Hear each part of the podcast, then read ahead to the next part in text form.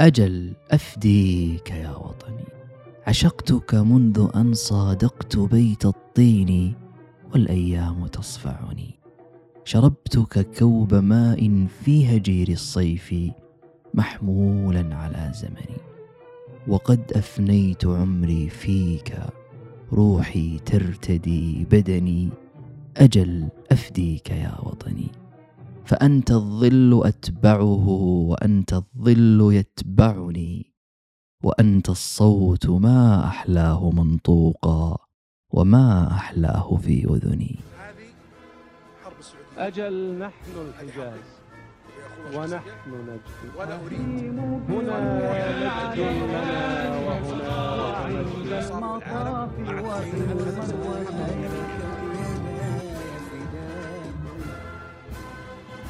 السلام عليكم ورحمة الله وبركاته أيها الأحباب في أي مكان كنتم وكيفما كنتم؟ أحييكم أنا رشاد حسن من مذياع أو في سلسلة حلقاتنا الوطنية الخاصة ترنيمات في حب الوطن. وحلقتنا اليوم هي وصل لما ابتدأناه في حلقاتنا السابقة من ترنم بين أكناف الوطن والحرف والنغم. وسلسلة المعاني الوطنية التي تميز بها الشعر الوطني السعودي عن غيره والمستمدة من نشيدنا الوطني الأصيل في مضامينه وإبداعه. عرفنا في الحلقة السابقة المعنى الأول الذي هو الانتماء وترنمنا به مع القصيدة الوطنية الخالدة التي أبدع في غنائها الفنان السعودي طلال مداح. وطني الحبيب وهل أحب سواه؟ واليوم سنخطر على بقية المعاني الأربع ونترنم بها ومعها معنى معنى فأما المعنى الثاني من هذه المعاني الوطنية يا جماعة فهو الحديث عن المقدسات. وتمثله رائعة طاهر زمخشري الحنين إلى المروتين. أهيم بروحي على الراضية وعند المطاف وفي المروتين. وحين الحديث عن المقدسات كأحد أهم المعاني الوطنية في الشعر الوطني السعودي والمستقاة من الأصل المعنوي في النشيد الوطني فإن أول قصيدة تتراءى أمامنا هي رائعة طاهر زمخشري إلى المروتين. والتي قال عنها النقاد بأنها واحدة من أهم القصائد الوطنية السعودية في العصر الحديث. يقص قصتها طاهر لابنته وهي قصة جميلة فيقول كنت في مصر تلك الأيام مشغولا بطباعة أحد دواوين الشعرية ودعتني المذيعة همة مصطفى أن أتغدى عندها وما إن هممنا بالأكل إلا وقالت يا جماعة كل سنة وأنتم طيبين. اليوم أعلن في السعودية عن غرة شهر ذي الحجة وخنقتني عبرة وغصة وألم. واستأذنت وخرجت أجري في الشارع وأمشي في الطرقات لا أعرف أين أذهب. لقد تعودت أن أكون دائما في هذه الأوقات على الجبال المقدسة في مكة المكرمة وكتبت يا ابنتي هذه القصيدة في حرقة وأسى وحزن لأنني بعيد عن مكة ولارتباطي بالمطبعة في ذلك الوقت ما استطعت السفر ولا العودة إلى البلاد. فجاءت هذه القصيدة كدمعة خالدة. كلما قرأها الناس أو سمعوها انسابت الدموع من أعينهم. أي حنين وحب واشتياق كان في قلب طاهر إلى موطنه ليخلد هذه الدمعة في دفتي هذا النص ستين عاما. دمعة طاهر وهو مغترب عن وطنه يا جماعة تثقل النص كله. فنحس بهذا في الصوت المتجلي بين العبرة والأنين في نهاية الأشطر الأولى. بيه ليه قيه. إلى آخره. وإيقاع الكسر مع الياء المفتوحة والهاء الساكنة يشير لهذه الغصة التي كأنها حبست الشاعر في مكانه وأوهه لظى الغربة والشوق إلى بلاده. وعند نهاية الأشطر الثانية تجيء زفرات الأنين المروتين والأخشبين ودمعتين والمسجدين. فالنون برسمه وصوته يعمق الأنين في الوجدان. وهذا واضح حتى في استهلال الشاعر في هذا النص وفي أول كلمة منه حين يقول أهيم بروحي. ثم إذا تأملتم يا جماعة في هذه القصيدة وجدتم أن الشاعر بنى النص كله على فكرة الثنائيات.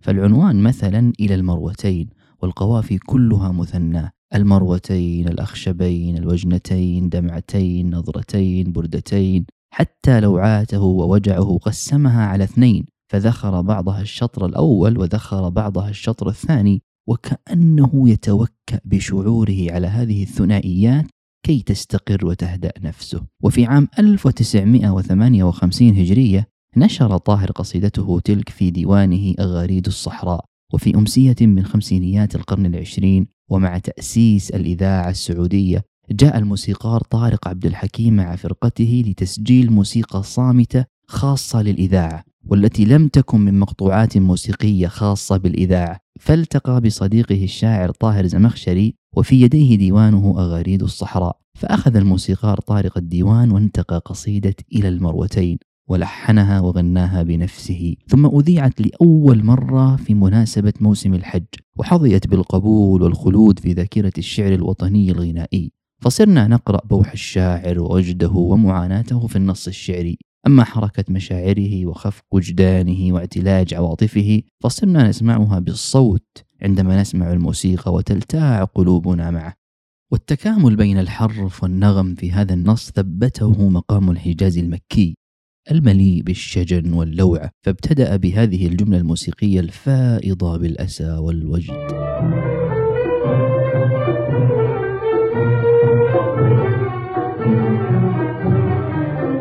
جملة مليئة بإيقاعات الدانة الحجازية الممزوجة بالوتريات التي جاءت في مفتتح القصيدة الغنائية وكأنها تقص حكاية شجية ثم حين تصل القصيدة المغناة عند قوله أهيم وفي خاطر التائه رؤى بلد مشرق الجانبين. يستحضر مكته ومروتيه ويطوف بخياله بينهما بل ويمرغ خديه في ثراهما يتسامى إحساسه وينفرط شعوره خارجا من نفسه فتصبح مواراة تمور في القلب وتعتلج في صدره هائمة كالطوفان ويعبر عن انفراط الشعور وخروجه من نفسه بارتجاله بالموسيقى الذي أخرجه عن خط النغم الثابت لموسيقى القصيدة كلها فارتجل وخرج عن النغم في صيغة موال.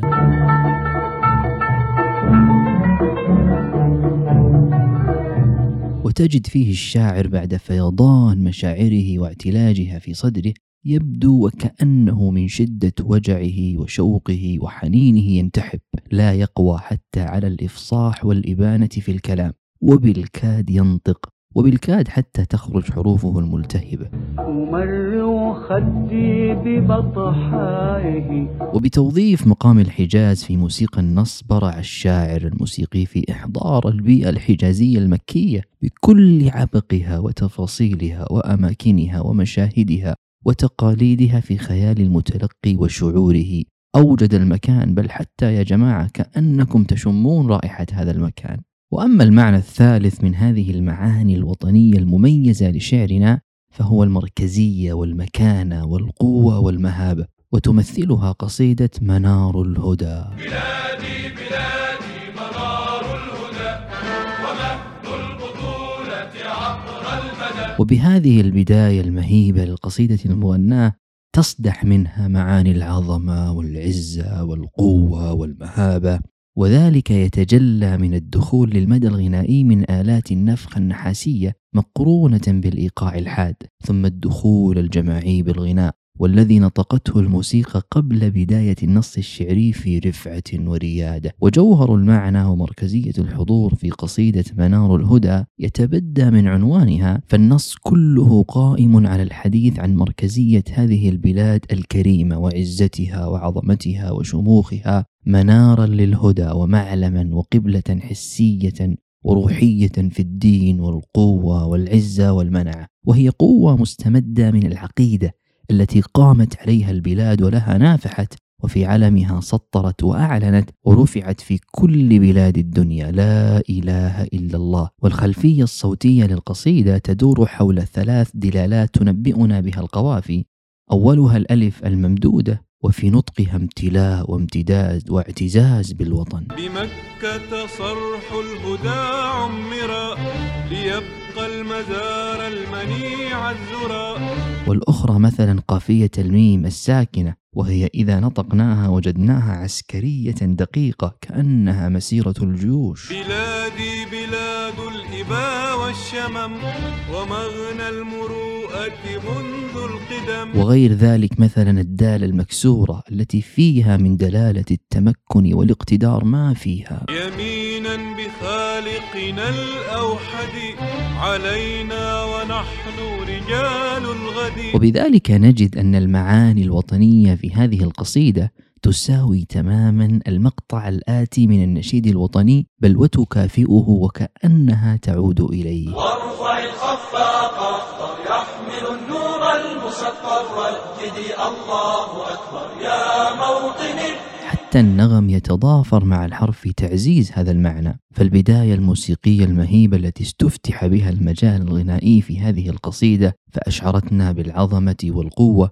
جاءت مبنية على خط المقام الموسيقي الأساس وهو مقام البيات الحاني المليء بالعاطفة والشعور. وبذلك اجتمعت معاني القوة والعزة والمهابة مع معاني الحب والعاطفة والتعلق بالمكان. وهما ذات المعاني المكنوزة في مقطع النشيد الوطني الذي أوردناه. بل يا جماعة لقوة هذا النص وانتشاره ظن الكثير من الناس أن هذه القصيدة كانت أنشودة وطنية في مرحلة سابقة. لكنها كادت ولم تكن. فما كانت هذه الأغنية نشيدا وطنيا أبدا في أي مرحلة من مراحل تطور النشيد الوطني. بل ذاعت وانتشرت قصيدة وطنية فقط ولكنها أثرت وأسمعت وحضرت في كل المحافل التي تتغنى بحب الوطن جزءا أصيلا. والقصيدة للشاعر اللبناني سعيد فياض وألحان وغناء الموسيقار سراج عمر. وأما المعنى الرابع يا جماعة فهو الذود عن حياض الوطن والدفاع عنه ومن أشهر قصائده قصيدة غازي القصيبي رحمه الله التي يقول فيها أجل نحن الحجاز ونحن نجد هنا مجد لنا وهناك مجد ونحن جزيرة العرب افتداها ويفديها غطارفة وأسد. ونحن شمالنا كبر أشم ونحن جنوبنا كبر أشد ونحن عسير مطلبها عسير ودون جبالها برق ورعد ونحن عسير مطلبها عسير ودون جبالها برق ورعد. ونحن الشاطئ الشرقي بحر وأصداف وأسياف وحشد. تأتي هذه القصيدة للشاعر غازي القصيبي في سياق الدفاع والذود عن حمى الوطن والرد عنه فكانت القصيدة في لهجتها حادة الخطاب وحازمة. نقرأ ذلك ابتداء من قافية الدال المضمومة التي تدل على القوة والاقتدار والتمكن والاجتماع بل حتى في سبقه يقول نحن وكأنه بهذه النحن يقول نحن الأرض في ذاتها ولسنا مجرد ناس نعيش عليها. نحن في وجه العدو أرض برمتها لا أشخاص فنحن أرض جزيرة العرب كلها ونحن أرض شمالها الشامخ وأرض جنوبها الشامخ ونحن جبال عسيرها ونحن شاطئ شرقها نحن كلنا الأرض وهذه الأرض كلها نحن. وهو بهذا المعنى كأنه يقول للمسيء نحن على اتساع هذه البلاد وتعدد مناطقها واختلافها كل وجسد واحد. بتعددنا لا نفترق ولا نتمزق بل تتعدد أمجادنا ثم تتحد في قلب واحد ومجد واحد وقوة واحدة التي هي الوطن.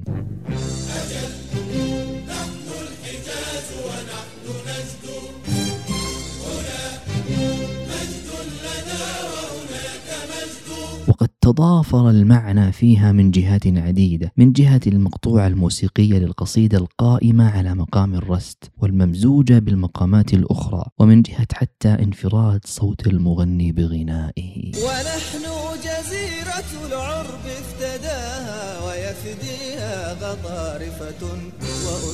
ومن جهة انفراد صوت الموسيقى المتداخلة بالآلات المتنوعة في إشارة إلى تنوع الموروث وتعدده. وقد تجلى النغم خليجي الهوية في تعبير عن الوطن والأرض.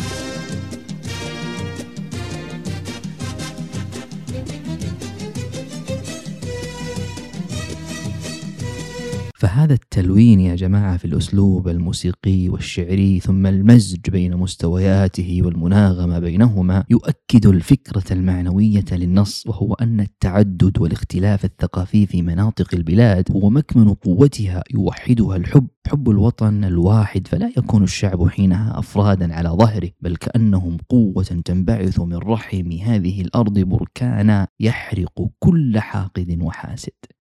وأما المعنى الخامس من المعاني الوطنية في الشعر السعودي والمستقى من نشيدنا الوطني فهو توحيد البلاد وما يتصل به من معان. وهذا المعنى يا جماعة من المعاني الوطنية الأصيلة والجوهرية التي انبعثت منها أغلب القصائد الوطنية ولا سيما في مراحل توحيد البلاد الأولى وبدايات عهد التوحيد لأنهم شهدوا التحول الكامل والنقلة العظيمة وأدركوا حقيقة النور بعد الظلام وبرد الأمان بعد الخوف. فكان لذلك الأثر البالغ على عاطفة هؤلاء الشعراء الوطنية وكان له تأثير على نهضة الأدب وحركة نتاجه حتى. وعبروا بذلك في أشعارهم عن هذا المعنى بحديثهم عن ثمرات توحيد البلاد من أمان وازدهار ونهضة وتعليم وثقافة وأدب. وحديثهم عن حال البلاد قبل توحيدها على يد المؤسس الملك عبد العزيز رحمه الله وبعده ثم مدحهم بعد ذلك وتأييدهم الملوك وأبناءه جميعا من بعده.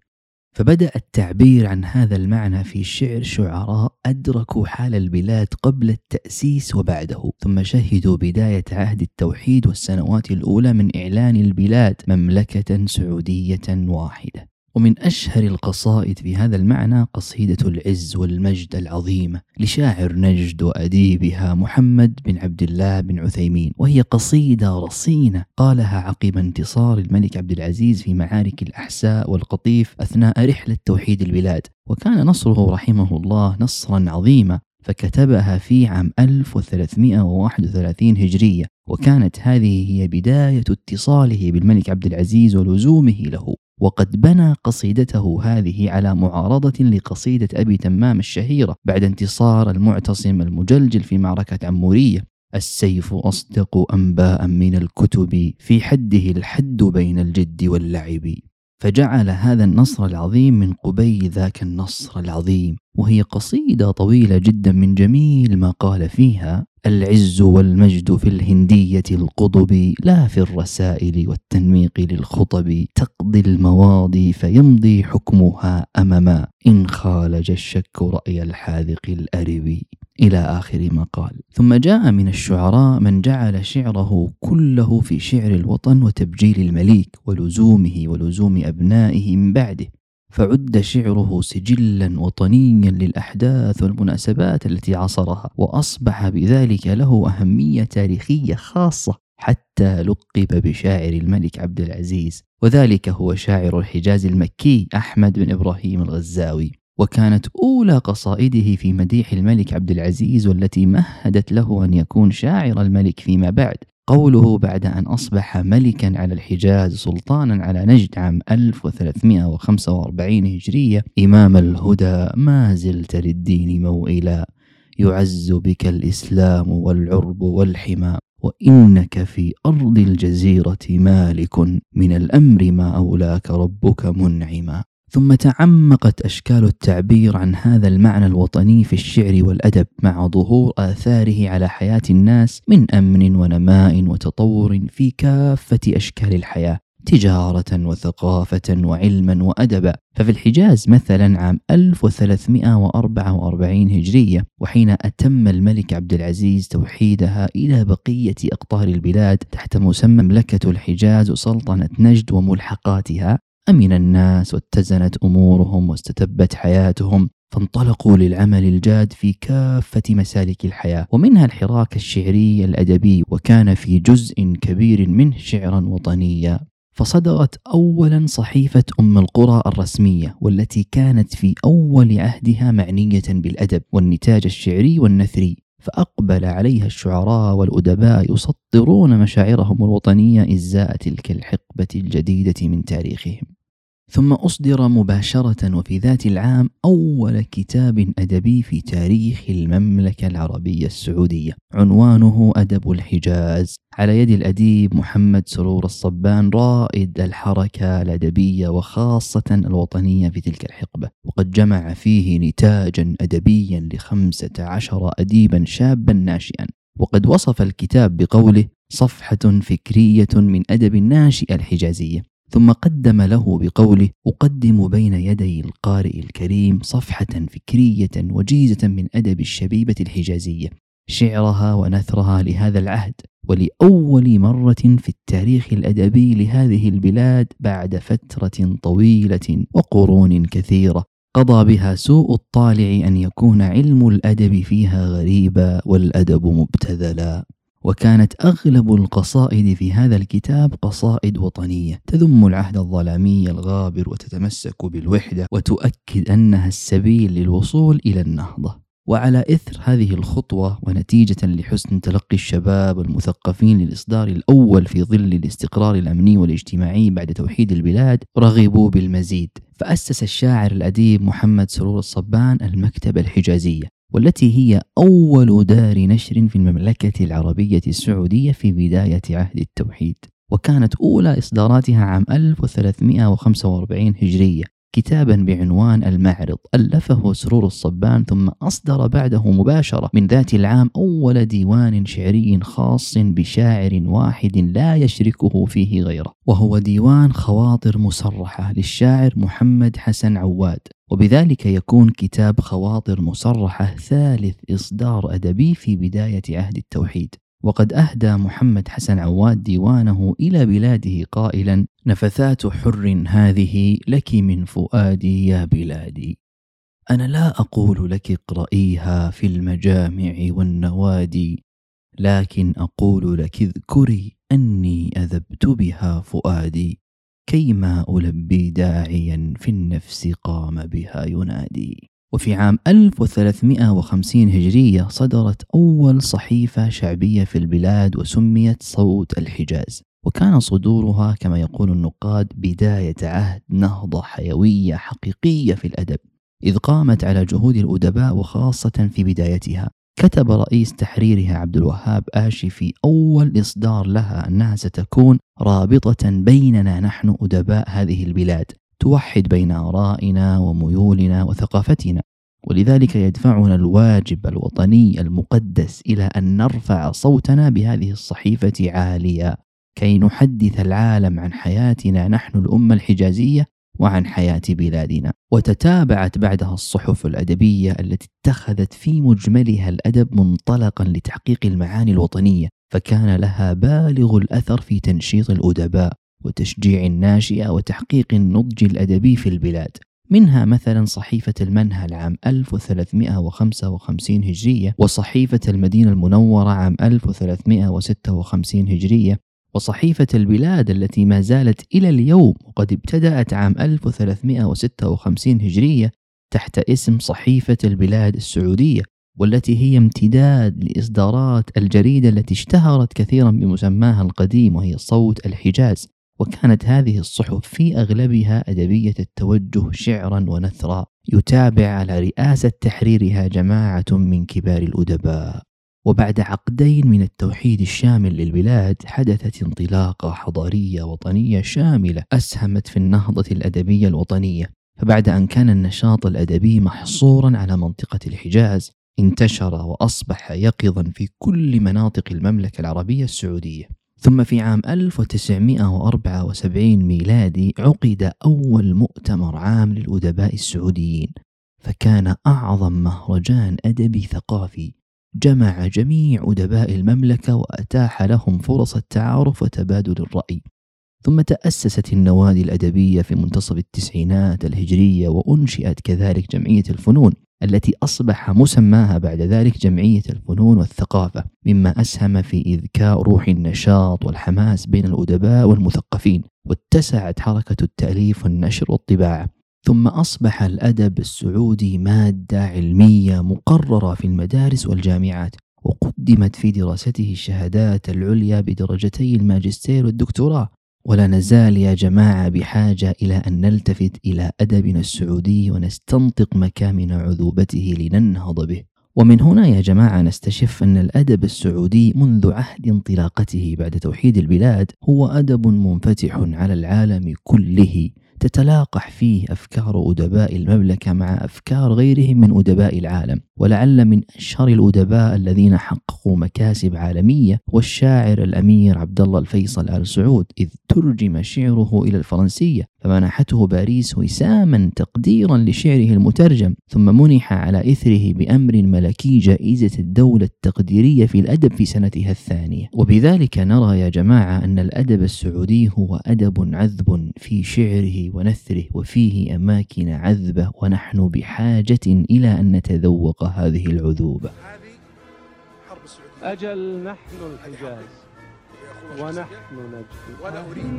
هنا مجد لنا وهنا مجد المطاف وفي المروى